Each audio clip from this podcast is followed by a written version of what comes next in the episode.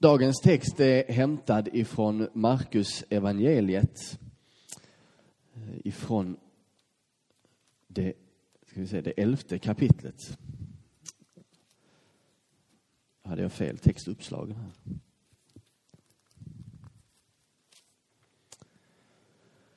Det är hämtat ifrån det elfte kapitlet, vers 15 till 19. Men jag tänkte jag skulle läsa lite, ett stycke innan det också. Det hänger ihop lite, så ni får hänga med. Det är precis när Jesus har tågat in i Jerusalem och kommit in genom porten och Hosianna-ropen har eh, tystnat något. När de gick från Betania nästa dag blev han hungrig. Då fick han på långt håll syn på ett fikonträd med gröna blad och gick dit för att se efter om det fanns något på det. Men när han kom fram hittade han ingenting annat än blad. Det var inte rätta tiden för fikon. Då sa han till trädet, aldrig någonsin ska någon äta frukt från dig. Och lärjungarna hörde det. De kom till Jerusalem och han gick till templet. Där drev han ut dem som sålde och köpte. Han välte omkull borden för dem som växlade pengar och stolarna för dem som sålde duvor och han lät ingen bära något med sig över tempelplatsen. Han undervisade dem och sa, står det inte skrivet, mitt hus ska kallas ett bönens hus för alla folk, men ni har gjort det till ett rövarnäste. Detta hörde översteprästerna och de skriftlärda och de sökte efter ett sätt att röja honom ur vägen. De var rädda för honom eftersom alla människor var överväldigade av hans undervisning. När det blev sent lämnade de staden. Nästa morgon när de kom förbi fikonträdet såg de att det var förtorkat ända från roten. Petrus kom ihåg vad som hade hänt och sa till Jesus, Rabbi, ser du fikonträdet som du förbannade? Det har vissnat. Jesus sa till dem, ni ska tro på Gud. Sannerligen om någon säger till berget här, upp och kasta dig i havet och inte tvivlar i sitt hjärta utan tror att det ska gå som han säger, då blir det så. Därför säger jag er, tro att ni ska få allt det ni ber om i er bön, då blir det så. Och när ni ställer er och ber ska ni förlåta dem som ni har något otalt med. Då ska också er fader i himlen förlåta er era överträdelser.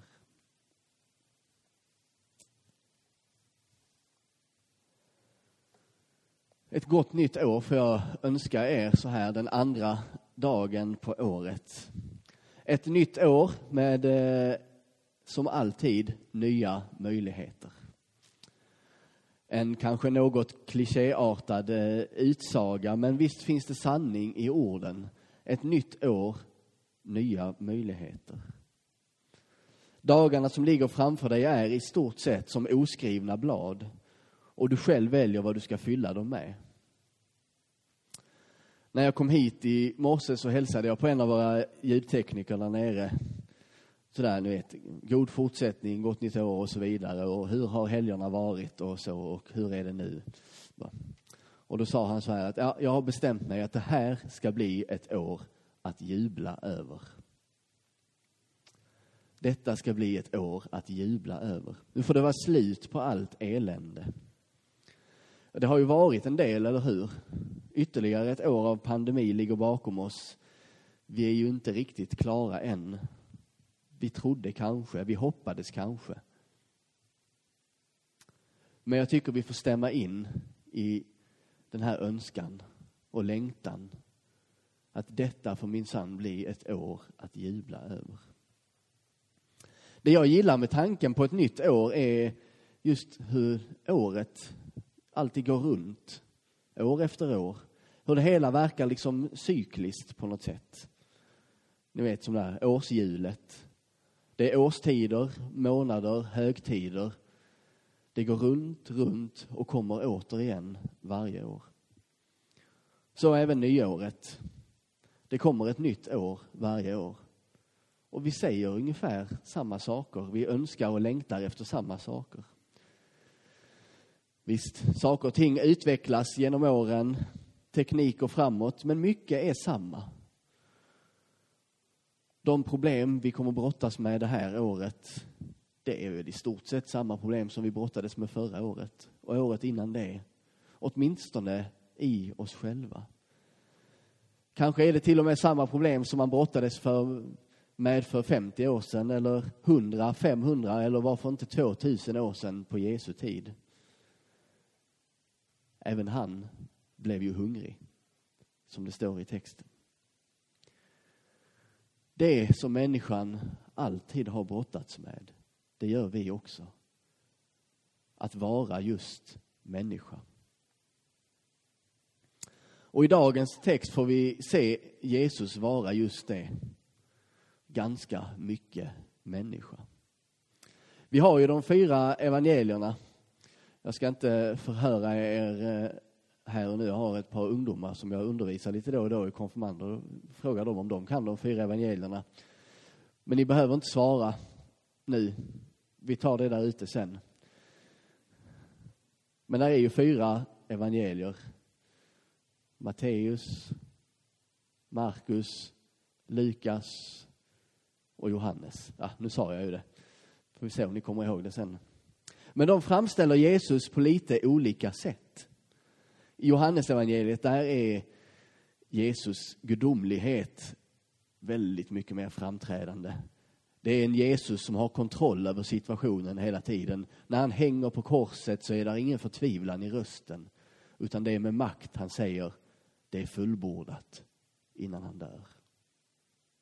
I Markus evangeliet å andra sidan, som dagens text är hämtad från, där är han ensam, övergiven och förtvivlad på korset.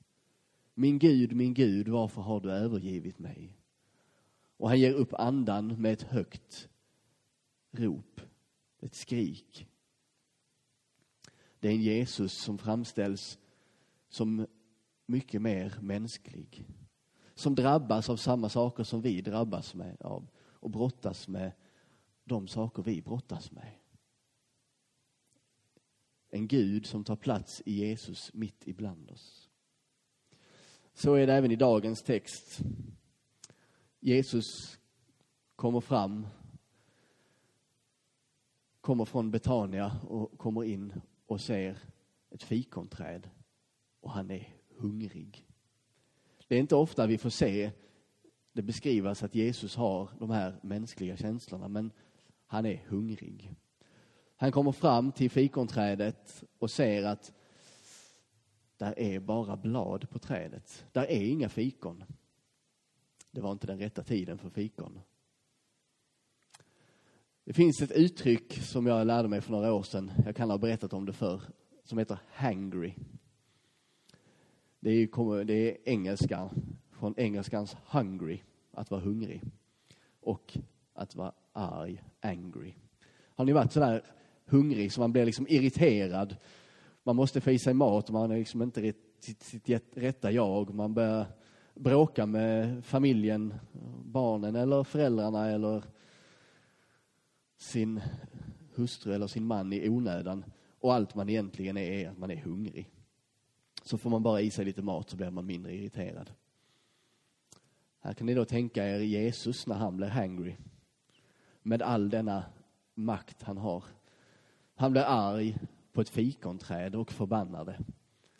Så att det vissnar och inte bär frukt. Det är en lite lustig berättelse på många sätt. Det låter inte riktigt likt Jesus, eller hur? att tappa humöret på det sättet. Och, ja, vad ska man säga, nästan missbruka sin makt, sin kraft på ett stackars fikonträd. Det vissnade dagen efter och det bar aldrig mer någon frukt. Nu är det ju så att i, i, i Bibeln är det ju ingenting som är lämnat åt slumpen. Allting har en betydelse och en mening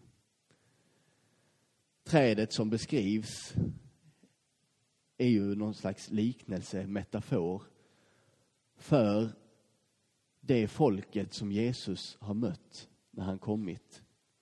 Han kom ju för det judiska folket för att se om Guds rike vara närvarande bland dem. Och för att också se till så att Guds rike tar plats.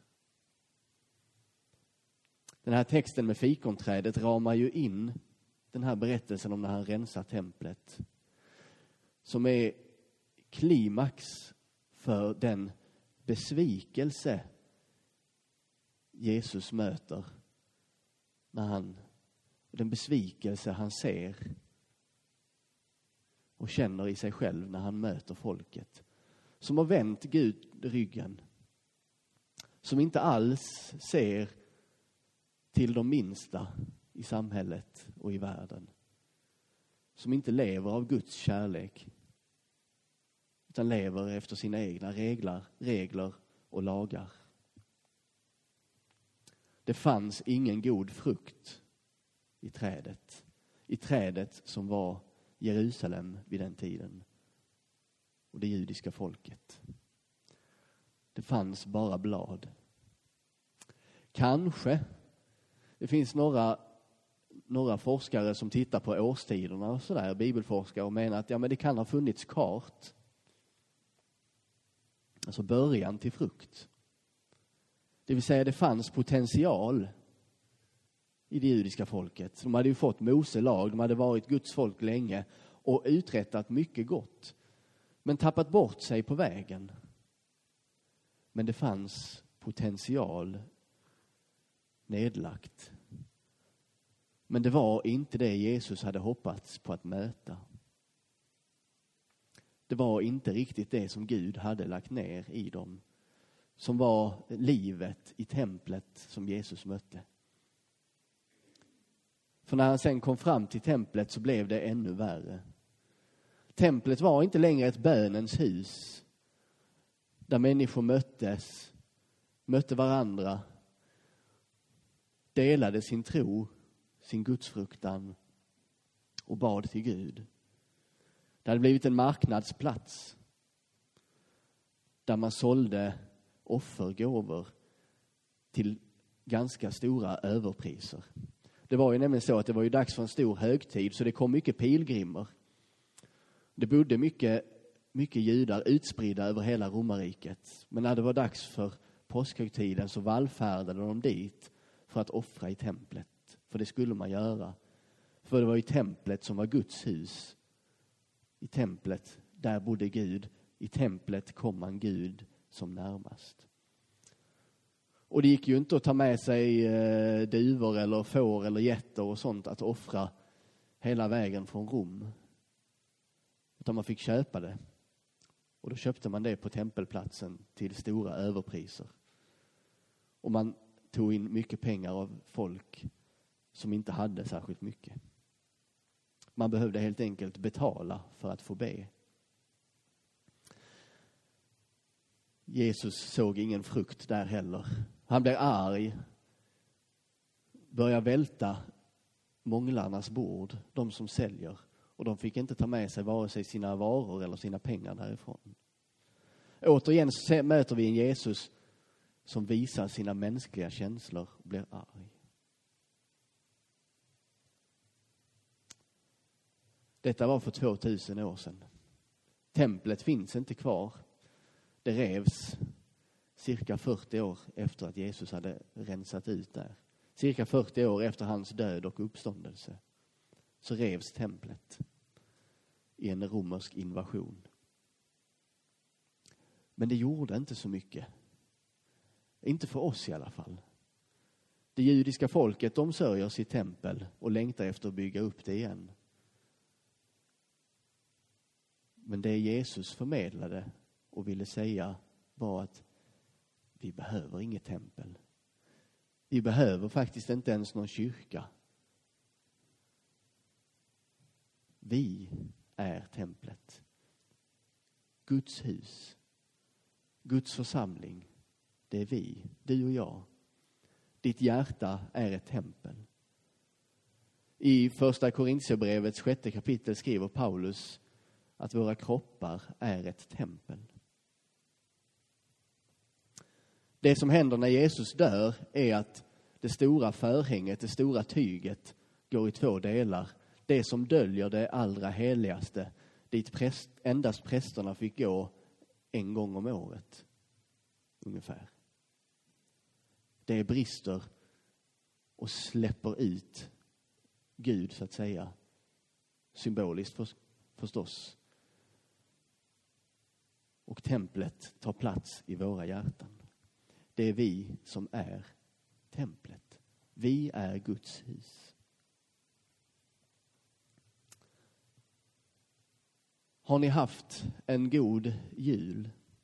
Har ni haft ett gott nyår? Goda helger? Var det mycket mat och sånt kring jul? Stress? Förberedelser? Jäktande efter julklappar eller mycket julklappar på julafton kanske? Vad blev det för fokus i jul? Blev det Jesu födelse? Blev det ett fokus på Guds rike? Fick Guds rike ta plats i julfirandet i år? Eller blev det så där som vanligt att vi gick på gudstjänst på morgonen, kanske. Och sen så tänkte vi inte så mycket mer på det. Det är ju lätt att det blir så. Eller för en del av er så kanske det inte alls blev så. Guds rike var närvarande hela tiden. Jag önskar och hoppas ju det för oss. Men det är ju lätt så att det blir mycket stress och förberedelser där runt jul och lätt att tappa fokuset på annat. Och inte bara då, utan det gäller ju vardagen överlag. Det är mycket man ska hinna med med jobbet, fritidsaktiviteter. Om man har barn så är det mycket som ska ordnas med dem. Har man äldre föräldrar så kanske man behöver ta hand om dem. Det, det är ofta mycket som händer i livet. Men om vi nu är Guds tempel, våra kroppar är Guds hus och vår församling är kroppen. Så vill jag fråga dig, hur ser det ut i ditt tempel just nu? När det nya året har kommit. Behöver Jesus komma med repstumpar och jaga ut sånt som inte ska vara där? Behöver ditt och mitt tempel rensas? Jag tror vi behöver det lite emellanåt. Jesus rensade i templet i Jerusalem för att visa oss att vi behöver fokusera på det som faktiskt bygger upp. Det som bygger upp oss och det som bygger upp Guds rike. Som vid julen till exempel. Vad i allt vårt julfirande stärker vår tro, ökar vår medvetenhet? På vilket sätt firar vi minnet av att vår Herre och Frälsare kom till jorden? Vad i vårt julfirande pekar på det? Det är bra frågor att ställa till sig själv. Nyåret brukar ju ha ett inslag av självrannsakan och kanske är det nu vid alla dessa nyårslöften och nya gymkort som beställs som vi också behöver rensa i våra egna tempel. Att liksom ge plats för Gud, ge plats för det barnet som föds, ge plats åt den heliga andens kraft att verka i våra liv. Men det handlar inte bara om självrannsakan och att rensa ut sånt som inte är bra för världen eller som gör att vi kan vara goda gentemot andra. Många gånger handlar det också om oss själva. Negativa tankar vi har om oss själva, vad vi orkar, vad vi klarar av, vad vi kan. Klarar jag av att nå fram dit jag vill, de målen jag vill uppnå? Många gånger fyller vi våra tempel med sånt som inte är bra för oss. Inte minst nedlåtande tankar om oss själva. Men se på dig själv. Räta på ryggen. Låt Jesus komma till dig och städa i ditt tempel. Vet att du är utvald av Gud. Du är särskild, du är sedd, du är älskad av Gud. Litar du på det så håller sig templet städat, tror jag. Då finns det alla möjligheter att gå in i ett nytt år med ny kraft, med nytt hopp. Ett hopp och en önskan som jag delar med min vän ljudteknikern där nere. Att detta ska bli ett år att jubla över. Men ska det bli det så behöver vi börja i oss själva. Och vi ska inte rensa i våra tempel för Guds skull, utan det är för vår egen skull. Så att vi kan må bra och sen gå vidare, gå ut, nå ut, möta världen, möta varandra och dela Guds kärlek i Guds rike. För vår skull, för andra, med varandra.